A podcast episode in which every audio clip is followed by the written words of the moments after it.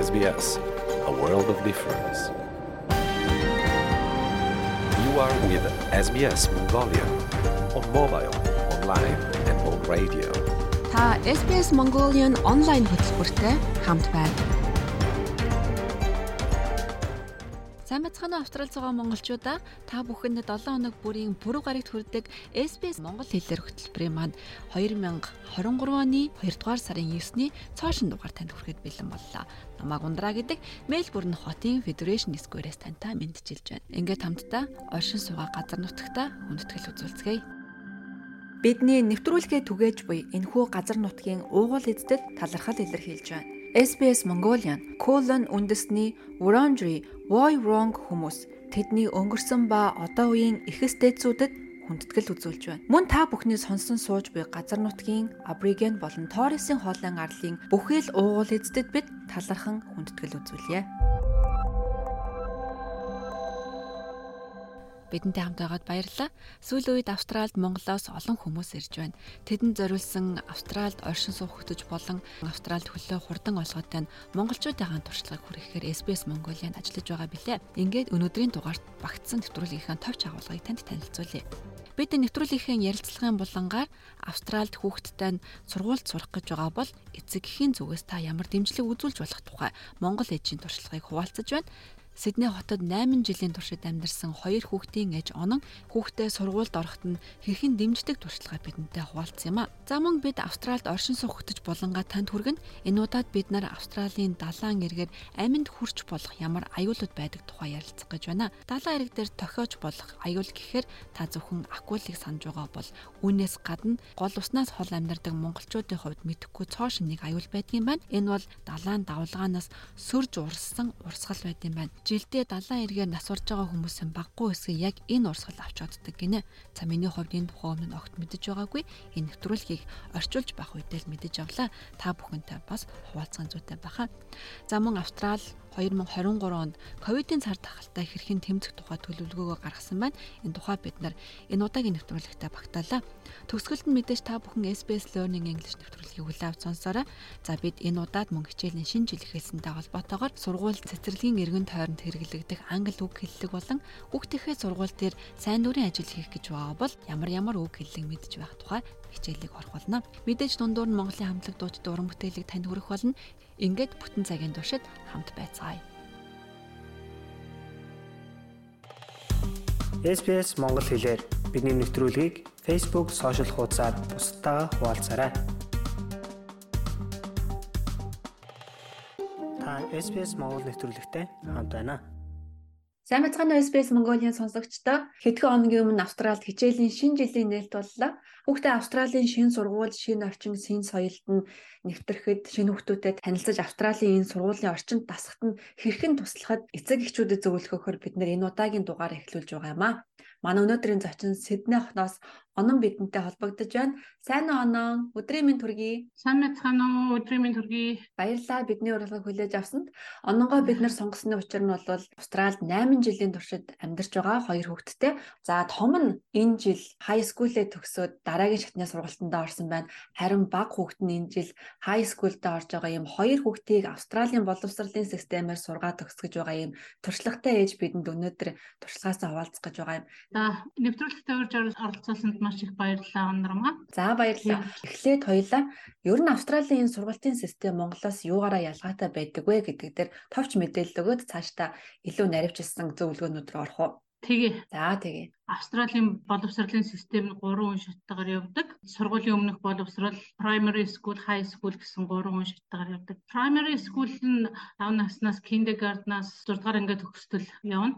Тэгээд 6 дугаар ангид төгсөөд high school-д орно. High school нь болохоор хөвчлэн 12 наснаас тэгээд 7 дугаар ангиасаа 12 дугаар ангид төгсдөл явдаг. Тийм үе шаттай явдаг байгаа. Тэгээд дотроо эдгээр чинь бас болохоор дотроо 3 3 шаттайгаар хуваагдаж явчихна. Primary school нь болохоор kindergarten-аас kindergarten гэдэг чинь Монголоор бэлтгэл шүү дээ тий.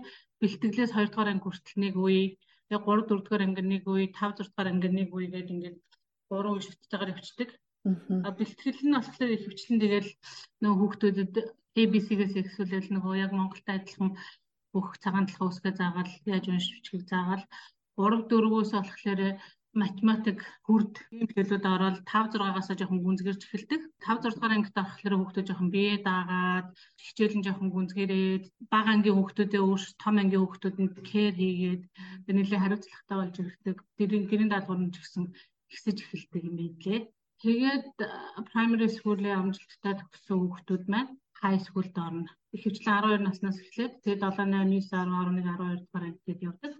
Тэгээд энэ дотроо бас 3 стейжтэй 7 8 дугаар анги 9 10 дугаар анги 11 12 дугаар анги гэдэг high school primary school хоёрын ялгаа нь гэх юм бол primary school нэг анги даасан багш байдаг байхгүй юу ганц хоёр л одоо математикийн багш англиний багш гэсэн тусдаа багштай байснаас биш анги даасан багш нь ихэнх хичээлүүд ороо явчихдаг А high school дарахлаар бүх сэдвүүд нь өөр өөр ангид хичээлнэ. Танхим танхимд очиж хичээлдээ суун. Тэгэхээр жоох нөгөө нэг их сургуулийн маркта болоод тэгэхээр хүүхдүүд илүү жоохон биеэ даагаад тэгээд эхний үед 7 8 дахь ангидаа засах гэж бас нэлээд өөрсдөө сорно. Тэгээд 9 10 дахь ангидаа болохоор яг бүх юм жигдрээд ингээд суралцаад оо ямар мэрэгжил сонгох уу их сургууль энэ төр гэл тэр талаараа бодож эхэлдэг байхгүй юу? 9 10 дахь ангид төгсөөд 11 12 дугаар ангидаа үзэх хичээлийн сэдв мэдвээ сонгодгийн 10 дугаар ангид төгсөөд тэгээд тэрнгээр 12-оор төгсөх шалгалтаа өгөөд их сургуультаа орох юм төр яг ингээд нэг 3 3 үе шаттай сургуулиуд нь яваад ах шиг байгаа юм. Ингээд 1-р ангиас 12 дугаар анги хүртэл явж байхдаа дунд нь нөгөө төвшин тогтох шалгалт өгдөг. Улс даяараа Напсан тест гэж авдаг тийм. Аа. Тэр нь болохоор 1 3 7 Тэгээд 11 12 тал ахгүй. Тэгээд танаа хүүхд ч одоо ингээд нийт улсын хэмжээнд хүүхдийн дундаж одоо унших бичих чадвар нь байх хэвээр. Тэгэхээр танаа хүүхд одоо доогоорон дээгүүрэн сайн байна муу байна гэдгийг тодорхойлоо гаргаад ирдэг. Ер нь хүүхдийн баримжааг энэ шалгалтаас л харах юм байна гэж би ойлгосон. Дүүн нэг 50-аад авахгүй. Нэг талаас нэг эцэг эхчүүд хүүхдээ ер нь хэр сураад байгаа юм бол гэдгийг нэг харж чадахгүй байгаа юм шиг надад санагдаад байдгийн. Тий. Энэ тэрийг ер нь яаж мэдэх вэ? Хүүхдээ ер нь хэр сурлагатай байгааг эцэг эхчүүд яаж мэдж болох вэ? Ихэнх нь онлайнаар өвчдөг байхгүй. Ер нь их багш нартайгаа очиод ярилцаал багш нэг дэвтэр гаргаж ирэл танаа хөгтч одоо ийм сурж ийн энэ төр гэл тэрийг ярилцаад байх нь ховор. Боловсролын газар гэдэг нь шүү дээ тэр боловсролын газар дээр хүүхдэд чинь нэг аккаунт нэг чинь тэр аккаунтаараа орох тэр чинь хүүхдийн чинь бүх мэдээллүүд нь тэн дээр байж байгаа байхгүй юу? Тэр нь лөө эцэг эхчүүд орж болох уу? Болно. Тэрний линкийг хоёлаа тавиад өгөө те. Тэгье. Линкийг тавиад өгье. Гэрийн даалгавар ямар ямар гэрийн даалгавар өгч чинь тэрийг хүүхд нь хэр хийж чинь энэ гэдгийг тэрэн дээр нь бүгдийг тавиад өгчдөг. Аль болох гэрийн даалгаврын сайн хийлгээл жилд хоёр удаа багш нарын эцэг эхчүүдийн нэг уулзалт болдог байхгүй ярилцлага. Тэр багш эцэг эхийн ярилцлаган дээр хүүхдийнхээ хэр сурж байгаа, юун дээр анхаарах ёстой гэдгийг багш нар бүгд бэлдээд эцэг эхчүүдэд танилцуулдаг. Юу сургууль болгон дээр нөгөө нэг хүүхдийн хоцрогдлыг арилгах анги гэж бас байдаг. Тэр хүүхд тоон дээрээ жоохон хоцрогдолтой байвал нэмэлт ангид оруулаад сурагчдаг. Тэр хүүхд спеллинг дээр хоцрогдолтой байвал тэрэнд нэмэлт ангид оруулаад нэмэлт хичээл заагаа авчдгийг. Тэрийг эцэг эхчүүд нь би одоо хүүхдээ энэ нэмэлт ангид оруулмаар байна гэдгийг хэлэх үү эсвэл багш нь өөрөө шийдээд энэ энэ хүүхдийг гэд хуваарлцдаг уу? Тэр нөгөө нэг наплан чинь national шалгалт шүү дээ тий бүх үндэсний. А тэрнээс гадна сургууль дотроо бас байнга шалгалт авч хүүхдүүдийг хэр явж ийн гэдгийг харж идэг. Тэрнгээрээ багш нар тааргет тогтоогоод нэмэлт хичээлийг оруулт юм байлээ. Эцэг эхчүүд өөрсдөө хүүхэд бид нар чи хүүхдээ мэдрэн шүү дээ тий математик дээр жоохон муу байгаад ах шигээр гэх юм бол өөрөө багштай хэлээд а би ийм юм анзаарлаа одоо энийг ингээд нэмэлт сургалтанд явуулмаар байна гэвэл тэд нэр дуртай явуулаа сургаад гэдэг нэлээд нэмэлт. Энэ бол нэмэлт төлбөртэй гэж ойлгож болохгүй бах те. Төлбөрөхгүй сургууль дотроо гэхдээ нөгөө нэмэлт гэж байгаа ч гэсэн нөгөө хичээл ихэд дундор. Эндээс хоёлоо өгөжлүүлээд ер нь хүүхдийнхээ ангийн багштай хэрхэн харилцах талаар ярилцвал ямар вэ? Тийм миний туршлагаар болохоор онлайн аккаунт нэгээл хүүхдийнхээ гэрийн даалгаврыг шалгаад хүүхдтэйгээ ярилцаал тэгээд ангийнхаа багштай айгүй сайн холбоотой байвал хүүхдэд чинь бүр илүү хэрэгтэй юм байлээ. Хүүхдтэй сайн тусалж чинь гэсэн үг. Ангийнх нь багштай сайн айл болох холбоотой харилцаатай яриад нар ч нөгөө нэг тэр хүүхдүүдтэй яг тэр хэрэгтэй юмнаар нь ярилцаад эхэлцдэг. Тэгэхээр тэр хүүхд өөрөө нөгөө нэг жоох өөртөө итгэх итгэлэн дэвшлээд тий аа за энэ багш надаас ийм юм хүсэж байгаа маань би энэ дээр хичих стан байна энэ төр гэдэг торох итгэвч нь илүү сайжраад ирдэг санагдсан надаа аль эсвэл нөгөө нэг интернетээр бас тусгай тийм нэг багш нартай харилцдаг мессенжер байхгүй юу? Тэрнгээрээ мессенжерээр асуулт байвал асууж болно. Тэгээ нэг жилд хоёр удаа болдог нөгөө нэг эцэг эхчүүдийг ярилцдаг шүү дээ. Одоо Монгол эцэгхийн хурал тэр чинь нөгөө бөөнөрөө нэг биш нэг нэгээрээ ярилцдаг байхгүй яг тус тусдаа хүүхдүүдийг. Тэгээ яг өөртөө тохиолж байгаа бүх юма илэн далангүй айгуу сайн асуугаад айгуух тусламж эднэр асуух юм бол тэд нар яг сургалтын тал дээр бол цаанаасаа нөгөө нэг боловсролын газраасаа зохицуулаад өгчихсөн. Дээр нь тэгээд хүүхд одоо ямар нэгэн сэтгэл зүйн юм дарамт манданд орцсон жоохон тийм доошоо болцсон байвал зөвлөх сэтгэл зүйн зөвлөх мөглөх хүрсэн байгаа. За багштайгаа тэгвэл бид нэг иймэрхүү баримжаатай харьцах юм байна. Сургуулийн удирдлагатай харьцах шаардлага нь хэрэг байдаг вэ? Миний экспириенсээс болохоор яг ангийн багш л нөгөө нэг хамаг хүүхдээ ч юм бүх юмыг аваад дагаад явж байгаа шүү дээ. Тэгэхээр ангийн багштайгаа илүү дотн харьцаад яг бүр нэг одоо сургуульд ирсэж орох. Тиймэрхүү бичиг баримтын том том асуудал дээр болохоор нөгөө нэг декан монголоор бол одоо сургуулийн декан гэсэн үг тийм. Тэгээ очт юм. Ер нь бол миний туршлагаар бол нэг деканта байнга уулзаал хүүхдийнхээ талаар асуугаад идэггүй шүү. Ер нь та хүүхдтэй нэмэлт хичээл гэрээр нь заадгүй. Ялангуяа зүгээр яг primary school байгаа үед бол хичээл их зөөлөг явдаг шүү. Нэг аймаг шахаал өдөр болгон олон тоо бодоол олон хуудас юм хуулж бичээл байдаггүй тийм. Миний хувьд болохоор нэг нэмэлт хичээлээр хүүхдүүдэд явуулаагүй. Сургуулиас нь өгч байгаа гэрийн даалгавар эдрийг нь хангалттай хийлгээл яг орой хамт сууж байгаа л бүх гэрийн даалгаврыг хийлгээл бүгдийн сабмит хийгээл хоцрогдоод ирж байгаа нь мэдэгдэх юм бол харин явуулж болно. Багыгаа бол математикийн нэмэлт хичээл авсан. Том дээрээ бол ерөөсөө өөрөө тэгэл биед байгаа шүү дээ. Одоо хоёлаа сургуультай харьцах талаар нэрлээ ярил. Харин одоо хүүхдэд дэмжих сэтгэлөө нь орцгоё одоо шинэ орчинд ирж байгаа шинэ сургуульд шинэ анги хамт олонны донд орж байгаа хүүхдээ хэрхэн дэмжих ёстой вэ? За сурлагын хувьд тэтгэл зүйн хувьд ээж аавын зүгээс бас дэмжлэх хэрэгтэй байдаг бол бид нар юу хийж чадах болоо? Тэгэхээр эдгээр чинь яг хүний шинэ улсад анх хөл тавиал нэлээд шоконд орно шүү дээ тий. Нэг жил нэг жил болох гадаадаас ирж байгаа сурагчдад англи хэлний сургалт хичээл тусдаа загаа бичдэг. Тэр нь эднэрт бас нөгөө нэг ойлголцоход их хэрэг болтой юм шиг байгаа хүүхдүүд миний бодлоор сайн ярилцаал тий. Орой хичээлээс нь тарахад ирээл ярилцаал хоёулаа хамтдаа гэрийн даалгавраа хийгээл хоёулаа хамтдаа яг их сургууль дээрээ сурсан юмнуудаа дахиж бүгдийн би бол туршлагаасаа тэгж л явсан хоёр хүүхдтэйгээ. Тэгээд ангийн багш нартаа нэг холбогдоод за манай хүүхд юм байгаамаа энэ төргээд ярилцах юм бол тэд нар дэмжиж юм тэр хүүхдийг яг тодорхойлоод одоо нэг онцлоод гэх юм уу те Ер нь хүүхдээ найзтай болох нийгмийн харилцаанд ороход нь бас яаж туслаж болох вэ? Нэг хоёр дахь ангитаа бол яг хуу тэгэл нөгөө нэг цагаан толгой уншиж бичгээ үзэж явна гэсэн шүү дээ. Аа тэгээ 3 4 дахь ангитаа болохоор нөгөө нэг хурд мөрдөө үзэж явж байгаа 5 6 та хүүхдүүд ер нь socialize болж нөгөө нэг аюу өөртөө итгэх нь аюу өндөр болт юм бэлээ. 5 6 дахь ангитаа хүүхдүүдийг яг ингээд өөрсдийг нь бий болгоод өөрсдийг нь манлаад ингээд чадварлууд төгсөөд өгсөн байлээ тэр сургуулийн програмаас. Хичээлийнх нь гад хажуугаар бас спортоор хичээлбэл илүү нөгөө нэг хамт боломж болд юм байлээ. Тийм хариуцлагатай. Хичээл сургууль болгон ч нөгөө нэг анги болгоныхаа хажууд нэмэлт спорт хичээл байгаа шүү дээ. Тэгээд тэрнээсээ гадна бас өөр спортт явуулвал одоо сакс ч юм уу волейбол ч юм уу тий спортын югаар явуулвал харин хүүхдүүд илүү өөртөө ихтэй болж нэгдэж ирэх юм билээ сургуулийн одоо ялангуяа ингээ хүүхдүүд том болох тусмаа скул буллинг гэдэг нэг хүнд асуудал байна. Хэрвээ хүүхд чинь ангийнхаа хүүхдүүдээс гутаанд оромжилж байгаа тийм хандлага ер нь мэдрвэл эцэг эхийн зүгээс яах ёстой вэ?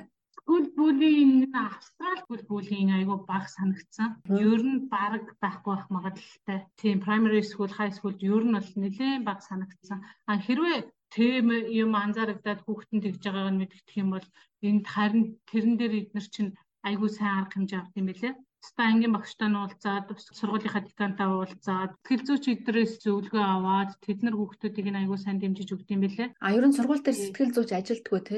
Ажилдаг сургууль болгон дээр нэг нэг сэтгэл зүйчтэй байгаа манай хүүчин бас их дөрөвдүгээр анги дээрээсээ бас юу зан характер нь өөрчлөгдөөл тэгээд бид нар өөрсдөө ч ойлгохгүй тий. Яаж туслах вэ? Эцэг эхчүүд яаж туслах вэ гэхэл бид нар бас ингээд ярилцаад хичээж байгаа ч гэсэн бас нөгөө нэг тайн ойлголцохгүй байгаа шүү дээ. Тэгэхээр сургуультайгаа хамтарч ажиллах нь хэцүү санагдсан. Яг юм хэлээд манай хүүхдүүд ийм зан гаргаад байна ингээд илүү энэ дуугүй болоод энэ ч юм уу тий. Тэгэхээр бид нар чинь сэтгэл зүйчтэй уулзуулаад сэтгэл зүйчин зөвлөгөө өгөө. Тэгээд цаашаа бүр нөгөө нэг дүүргийнхээ бас сэтгэл зүйн төв эднэртэй холбож өгөө. Тэгээд тэд нар яг корын олоод яг цаана нь юу болоод байгааг нь ярилцаад яхахлаар хүүхд бас айгүй нэгтэд сайн болт юм лээ. Өөр танд одоо хүүхдүүд нь шинээр сургуульд орж байгаа эцэг эхчүүдэд хандаж хэлэх зөвлөгөө юу вэ?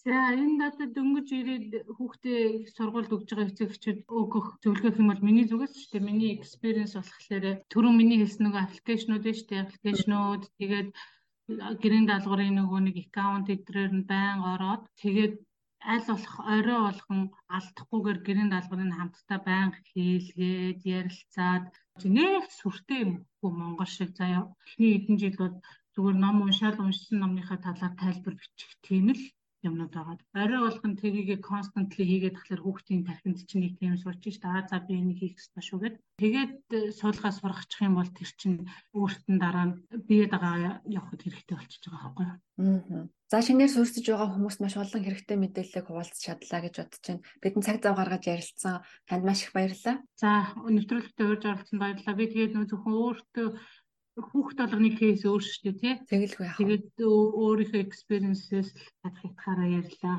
За баярлалаа. Маш их баярлалаа. Танай хоёр хүүхдэд амжилт хүсье. Магадгүй одоо яг этар болох үе танай хүүхдээс бас яг энэ одоо монголоор бол эсэлтийн ерхий шалгалтыг хэрхэн яаж өгдөг, яаж бэлддэг тухай ярьцлага авал дургуцах байх гэж найдаж байна. Та дамжуулаад өгөөрэй. Тэгээ дургуцах байх. За. За баярлалаа. Баяртай. За баярлалаа. Баярлалаа. Өдөр сайхан өнгөрүүлээрэй. За баярлалаа. SPS Монгол хэлээр бидний нэвтрүүлгийг Facebook сошиал хуудасаар бусдаа хуваалцаарай.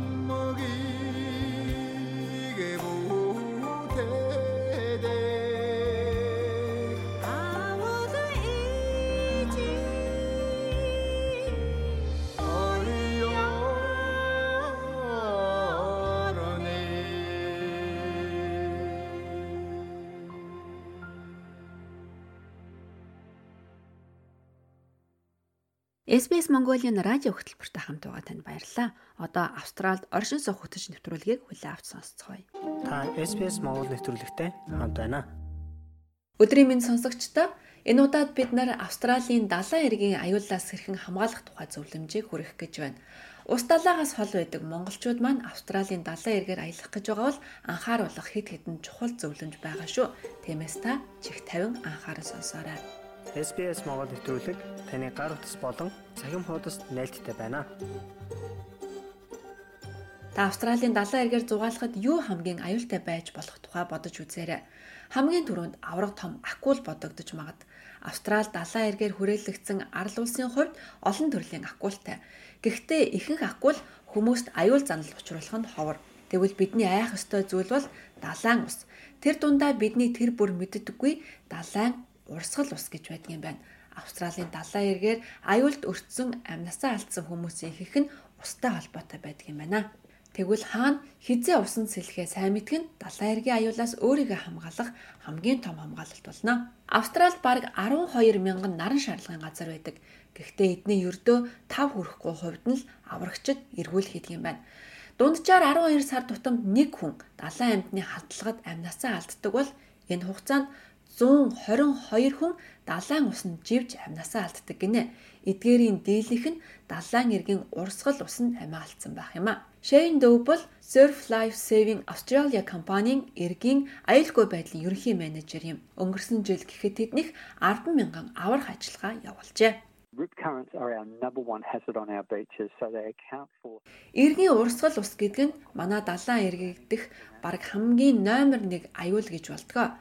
Австралийн усанд живж нас барж байгаа хүмүүсийн бараг дөрөвний нэгийг нь яг ийм аюул эзэлдэг юм. Энэ тоо илүү өндөрч байж магадна. Яагад гэвэл бид ердөө батлагдсан тохиолдлыг л тоог ярьж байгаа юм шүү дээ.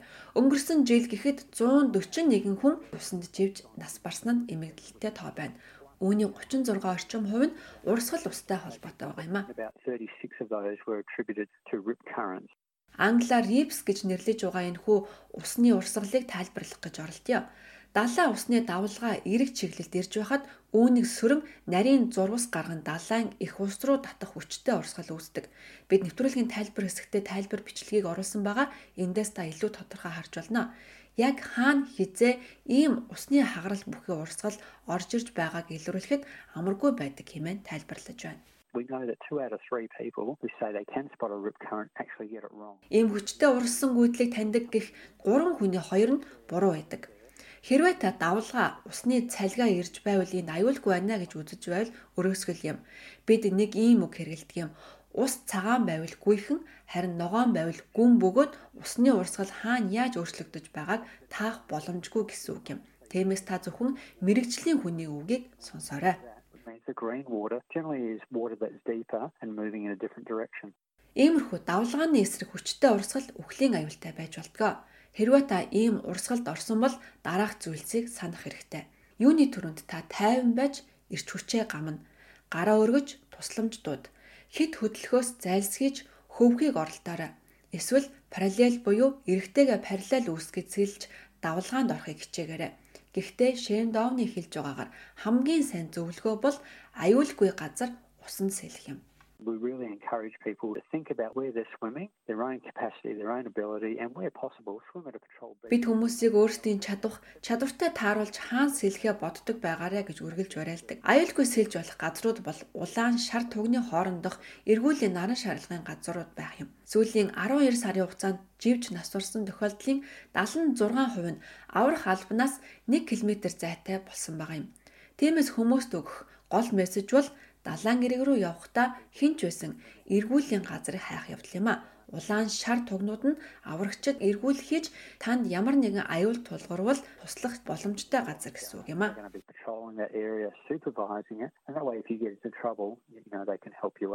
Эндээс бид нар далайн эрэг тохиолдож болох гол эрсдэл акулд бариулахаас илүү хүчтэй урсгал усанд автаж болзошгүй юм а гэдгийг харлаа. Гэхдээ акул байхгүй гэсэн үг биш Одоо энэ тухай ярилцъя. Доктор Феби Мейгер бол зэрлэг ан амьтдыг хамгаалах нийгэмлэгийн ажилтан юм. 1800 оноос хойш хүн акулуудын хооронд үүссэн бүхэл харилцааг бүртгэдэг ажлыг энэ хүн хийдэг. Australia has the second highest number of total bites in the world. The first is the USA and Австрали 70 амьтанд хазуулсан хүний тоогоороо дэлхийд 2 дугаарт ордог. Эхнийх нь Америк. Тэнд 1900-аас 2000 оны хооронд жил дунджаар 9 хүн хазуулдаг байсан бол 2010-аас 20 он гэхэд 22 хүн хазуулдаг болсон байна. Аз болоход бидний хувьд жилд дунджаар нэг хазуулсан тохиолдол байдаг. Хэдийгээр хазуулсан хүний тоо нэмэгдэж байгаа мэт боловч энэ нь сошиал медиагаар мэдээ олон явж байгаатай холбоотой. Энэ нь илүү олон хүн хазуулсан гэсэн үг биш. Зүгээр л бид энэ талаар мэддэг болсон гэсэн үг юм.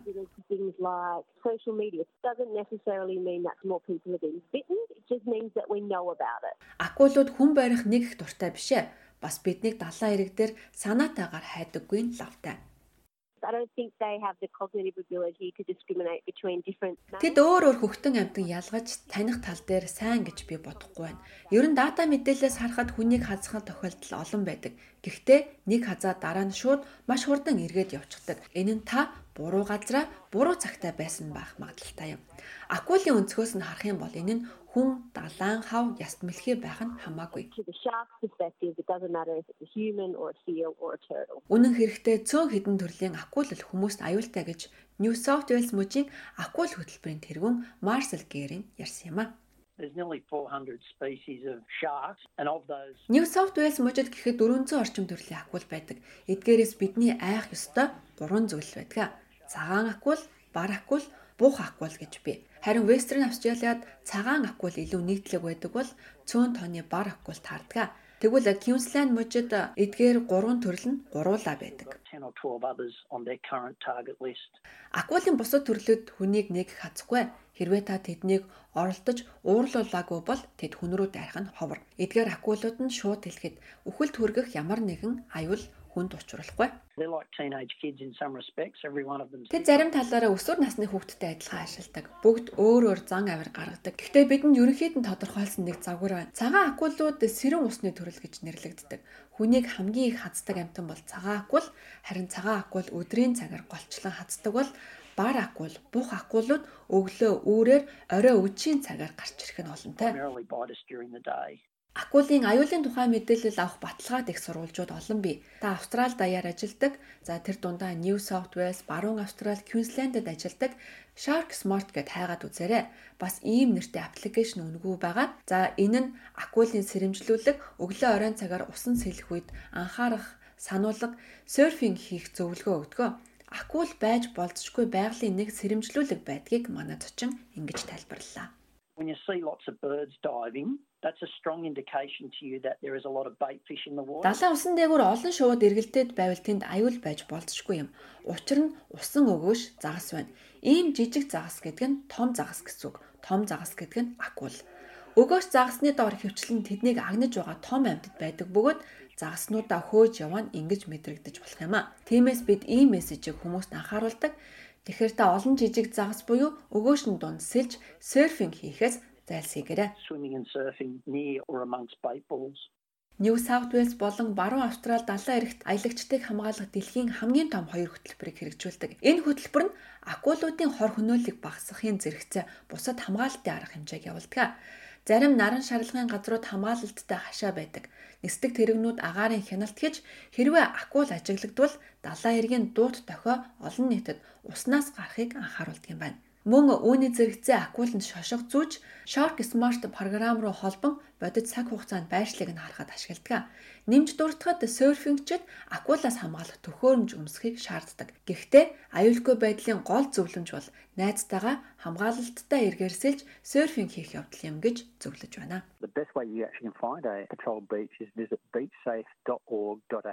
Та хаана аль эргийг хамгаалалттай байгааг мэдхийг хүсвэл далайн эргийн хамгаалалтын сайтаар орж үзээрэй.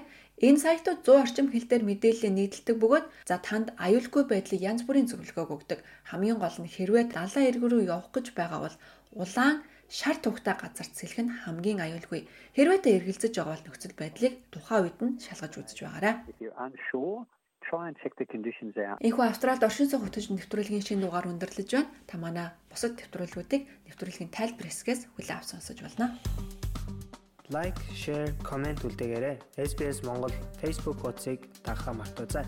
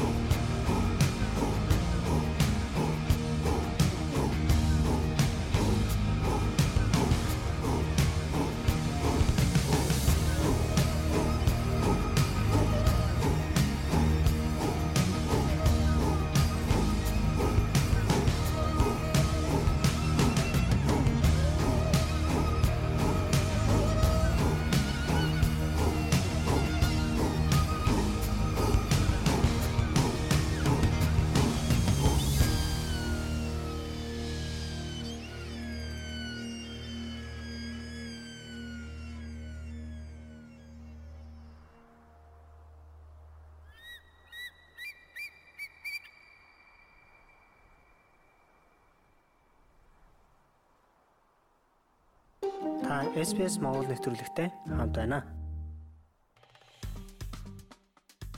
За сайн бацгаана сонсогчдоо Австралид ковидтой хэрхэн тэмцэх талаар 2023 оны төлөвлөгөөгөө гаргасан энэ талаарх мэдээллийг та бүхэндээ хүргье. За юуны өмнө энэ онд Австралийн засгийн газар ковидтэй тэмцэхэд зориулж нэмж 2.8 тэрбум доллар зарцуулахаа мэдэгдээд байгаа. За гэхдээ энэ оноос эхлээд COVID-19-ыг амьсгалын замын бусад вирусын нэгэн адил хэмээн үзэж тусгай зохицуулалт хийхгүй байхаар болсноо холбооны засгийн газар зарлаад байгаа. За гэхдээ халдварын эсрэг вакциныг үн төлбөргүй хийсэн хэвээр ирээдүйд илүү сайн вакцин бүтээх ажлаа үргэлжлүүлэн судалсаар байх болно гэлээ. Үндэсний хэмжээний компанид ажиллан иргэдэд вирусын шинэ хувилбарууд болон ирээдүйд гарч болзошгүй дэгдэлттэй тэмцэх талаар зөвлөгөө мэдээлэгч ковидын эмчилгээний талаарх мэдлэгийг нэмэгдүүлэх ажлаа хийсээр байх болно гинэ.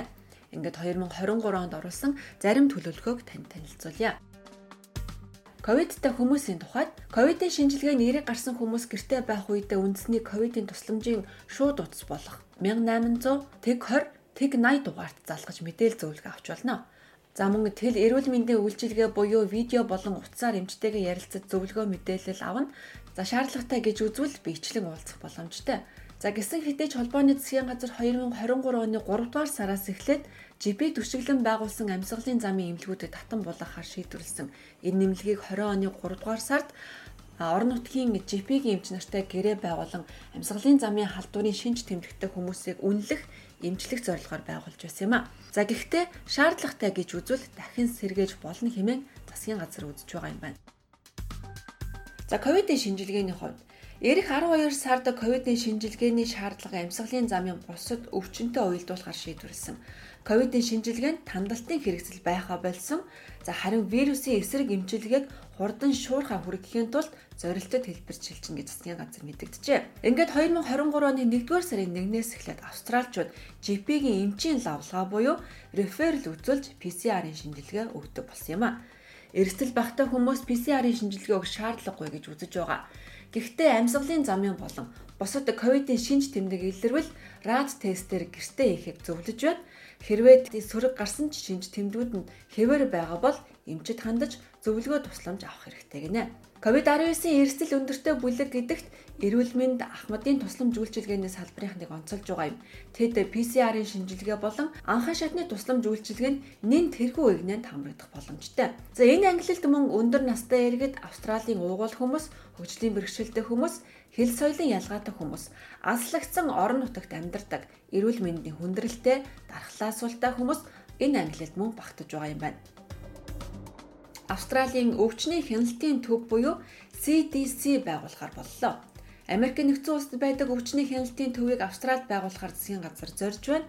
Ковидын цар тахлаа сургамж авч Австрали улс ирээдүйн тахал болон нийгмийн эрүүл мэндийн бусад сорилттой тулгарч үед бэлэн байхад энэ байгууллага ажиллах юм а. Одоогор бэлтгэл ажил эхлэж эх 10 дугаар сарын төсөвт төсвийг нь оруулахад бэлтгэж байгаа юм байна. Гэхдээ энэ байгууллага бие даасан бүтэцтэй байх ёстой гэж мэрэгжилтнүүд үзэж байна. Австралийн анагаа ухааны нийгэмлэгийн профессор Стивен Робсон CDC-гээс олон нийт эмнэлгийн байгууллагуудад өгч байгаа зөвлөмж нь нотлохоон суурилсан ил тод улс төрийн болоод гадны бүх нөлөөллөөс хараат бус байх ёстой гэж хэлжээ.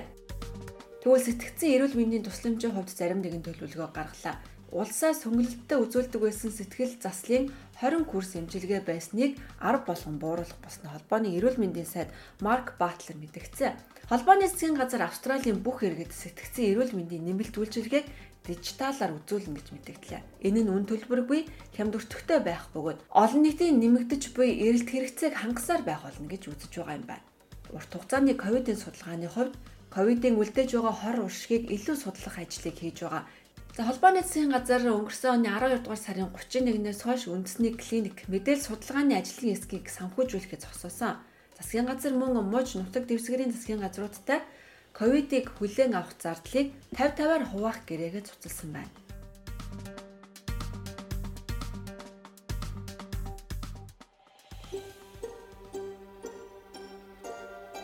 SBS Монгол нэвтрүүлэг таны гар утас болон цахим хуудасд нийлдэхтэй байна.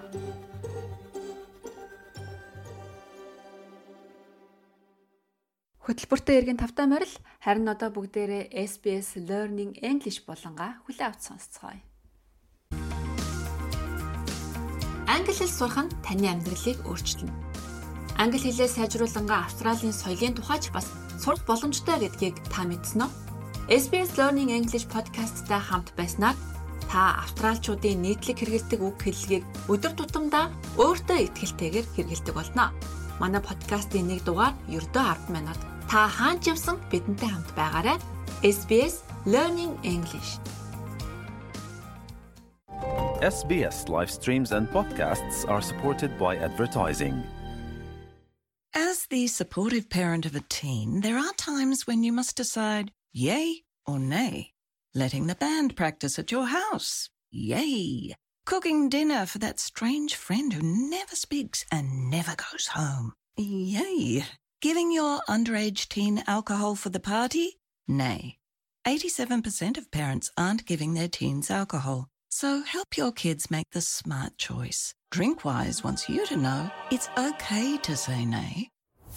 Learning English helps me become more involved in my child's education.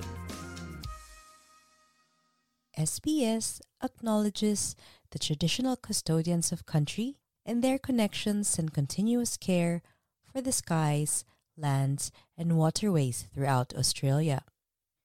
Hi, my name is Nikki, and like some of you, I have a little one starting school this year.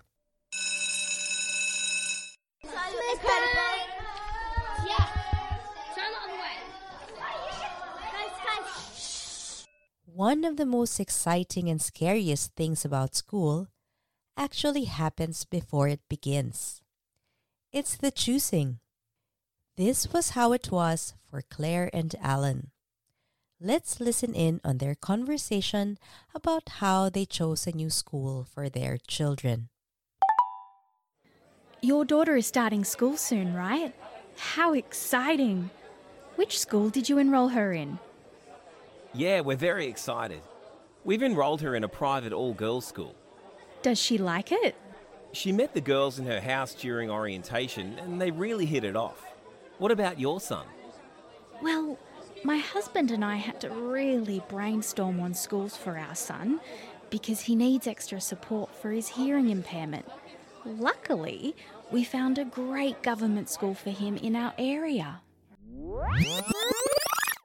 Quite a bit of information there, huh? Let's go through it slowly. Alan and Claire talked about their choices for schools. Alan says, We've enrolled her in a private all girls school. Public schools are operated and run by the government and have lower fees than private schools. Private schools can be run by either independent organizations or religious groups. When a child starts in a school, we say that they enroll. An all girls school is an example of a single sex school. There are also schools that only allow in boys. When all genders are allowed into a school, it is called a co ed, which is short for co educational. Alan is happy about the school he chose for his daughter because She met the girls in her house during orientation and they really hit it off. an orientation is an event in school where new students are invited to see their new school and are introduced to its culture and programs. Students are placed in groups called houses. Each house has members from across the different year levels. While Alan chose to send his daughter to private school, Claire decided on another type of school. She says, Well, my husband and I had to really brainstorm on schools for our son because he needs extra support for his hearing impairment. Luckily, we found a great government school for him in our area. To brainstorm means to be part of a discussion to come up with ideas and solutions. Claire's son needs extra support because of his hearing impairment. We say that someone has a hearing impairment if they can't hear very well or at all. There are also special schools and programs for children with high intellectual ability. These are called selective schools. There's also support for newly arrived migrant students when it comes to English, but we'll learn more about that later in this episode. So now that we know where Alan and Claire's children are enrolled, what are their reasons for liking their choices? Let's go back to their conversation. We like the fact that her school focuses on the well-being of the kids, not just the grades. The facilities are great as well. For us, proximity is really important. We'll be able to walk to school instead of having to worry about driving. Those are great reasons for both. Let's hear them again. First, Alan says, We like the fact that her school focuses on the well being of the kids, not just on grades. Well being is the state of being happy, healthy, and or comfortable. Alan also says The facilities are great. facilities are the places and pieces of equipment that are in the school for the children to use, such as the playground or gym. Claire also shares what she likes about her son's school. For us, proximity is really important. Proximity here means how close the school is to where Claire lives. For some parents, it might be important to be involved in their child's school as well.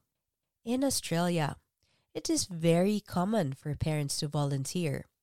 That is, to help out in their child's school. Let's listen in on a conversation between Alan and Claire. Only this time, they are parents talking about volunteering in the canteen of their children's school. Hi, Claire. Do you have canteen duty today? Yes, I'm rusted today. Are you planning to volunteer as well? Yes, I just need to get my working with children check, and then I can start. We learned that Claire is on canteen duty today. Do you remember the phrase she used to say that she is volunteering today? I'm rusted today. To be rostered means to have been given a particular time to work. Alan is also planning to volunteer and says, I just need to get my working with children check, and I can start. A working with children check is a screening process to check that people are allowed to work with or care for children. Now let's go back to Alan and Claire's conversation. Claire tells Alan some of the benefits of volunteering in the canteen. A perk is that you can get free lunch for you and your son. But aside from that, you'll be able to keep an eye on your son when he thinks you're not around. True. Hope you can help me learn the ropes.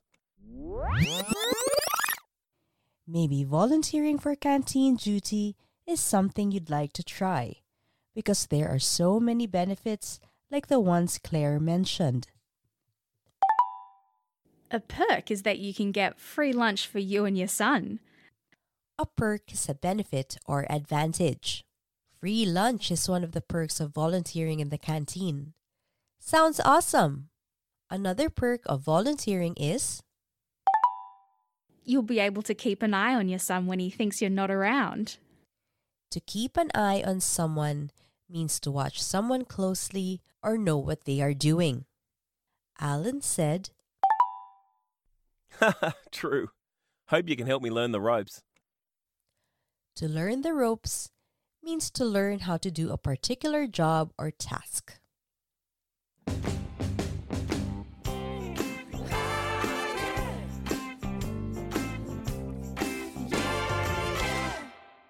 We've talked about some of the additional support children with disabilities and children with high intellectual ability can receive from school. But what about support for newly arrived migrant students who want to improve their English skills? We have with us today Cindy Valdez Adams, the president of the Association for Teaching English to Speakers of Other Languages New South Wales, or ATESOL NSW for short, to talk about just that. Hi, Nikki. Hi, Cindy. What kind of support do you give to schools and teachers? We do a lot. For schools, we provide resources, and for our teachers, we conduct workshops to develop learning and teaching strategies to develop the English language. How about parents? Do you know that it's actually really important to continue speaking your first language at home while learning English in school? We found that those who are fluent or know their first language really well are able to learn and understand English more easily. So don't lose your first language.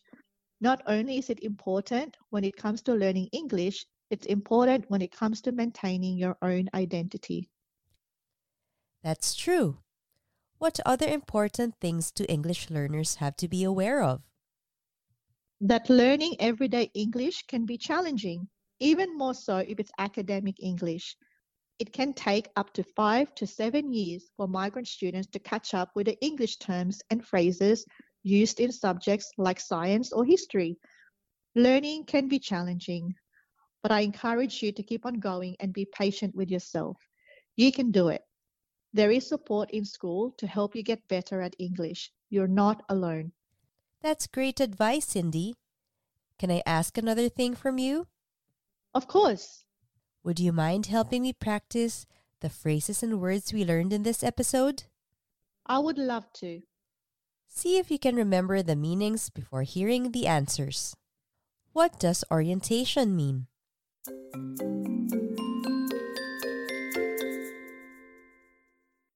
It is an event where new students are invited to see their new school and are introduced to its culture, students, and programs. To learn the ropes means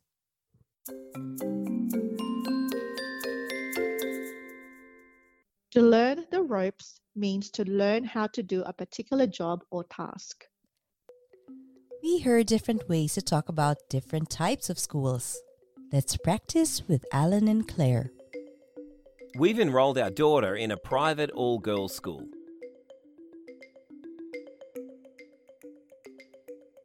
She met the girls in her house during orientation and they really hit it off.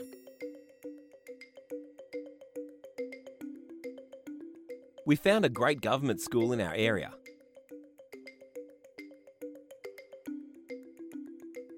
For us, proximity is important.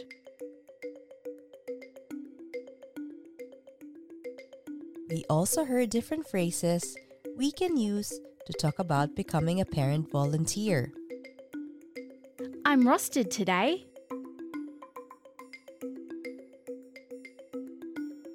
I just need to get my working with children check and then I can start.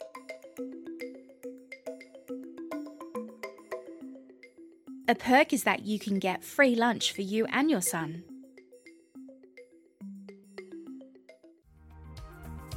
For learning notes and transcripts, visit the SBS Learn English website, where you can also find a quiz to test your listening and understanding skills. We are SBS Learn English. I'm your host, Nikki. Thank you for listening. This was the SBS Learn English podcast. Subscribe so you don't miss an episode, or reach out on Facebook. We are SBS Learn English.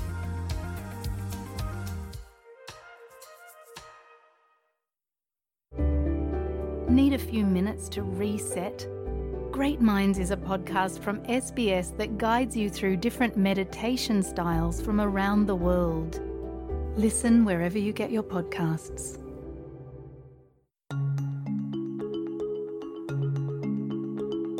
SBS Mongolian танд таалагдсан бол сошиал ертөнцид бидэнтэй холбогдож ярилцаарай.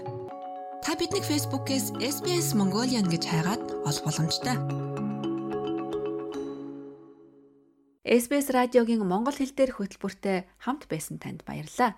Ирэх 7 хоногийн пүрэв гарагт 2 цагт эргээд уулзцагаая. Түр баяртай. Итгэл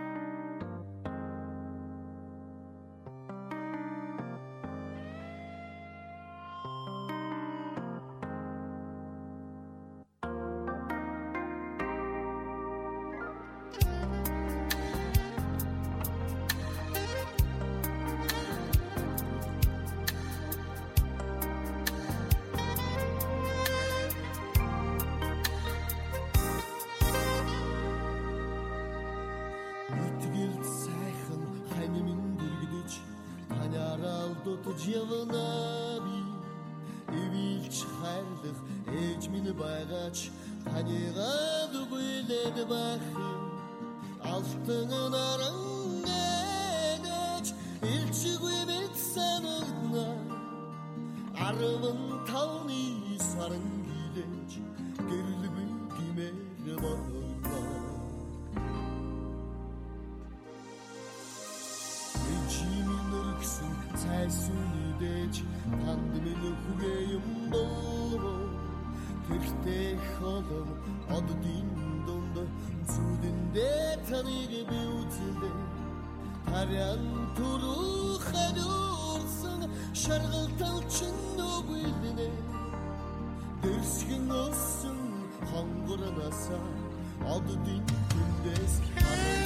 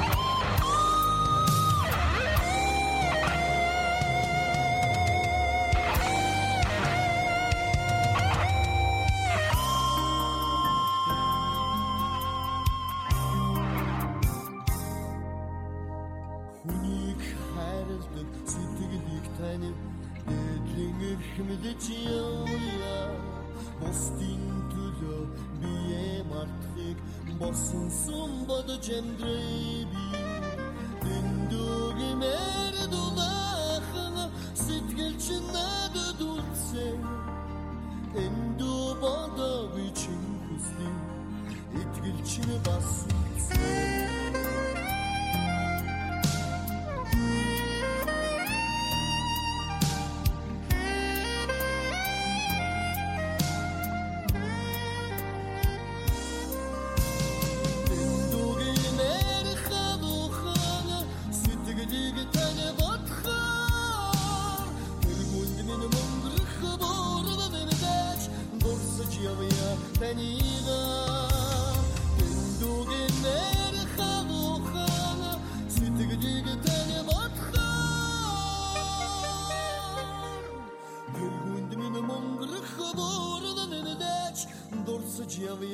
在你的